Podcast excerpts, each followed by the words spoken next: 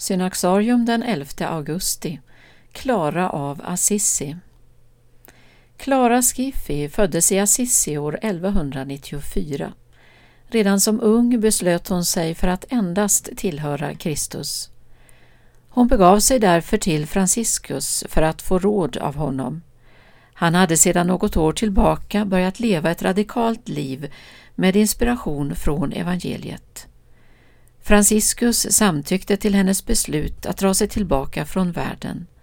Han klädde henne själv i en dräkt av grovt tyg och ordnade en liten boning åt henne vid San Damiano-kyrkan. Det blev klarissornas första kloster i Assisi.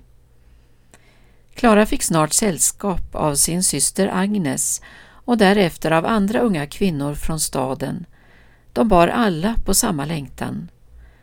Så föddes den så kallade andra franciskanska orden, kallad de fattiga damerna från San Damiano, senare Clarissor.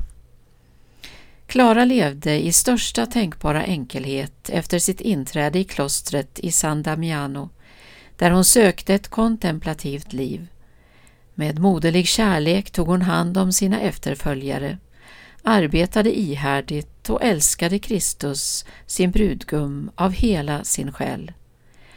När påven Gregorius IX besökte klostret blev han upprörd över systrarnas extrema fattigdom och ville mildra deras löfte, men Klara avböjde. Klara önskade att hennes systrar skulle få del av samma privilegium som hon, att endast äga Kristus. Hon bestämde sig därför att be om en skriftlig försäkran om att deras liv i radikal fattigdom inte skulle tas ifrån dem eller förändras. Klara var stark i anden men försvagad till kroppen på grund av sina fastor.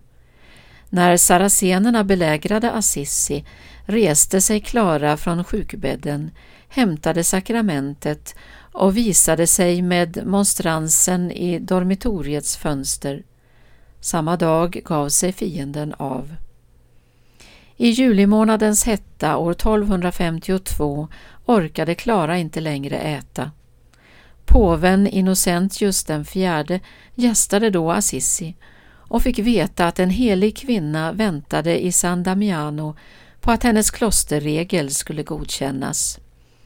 Den 11 augusti kom äntligen bud till klostret som godkände de fattiga damernas regel. Klara kunde med glädje sluta sina ögon. Hon dog samma dag med denna skriftliga försäkran tryckt mot bröstet och med ett leende på läpparna. Två år senare blev hon helgonförklarad.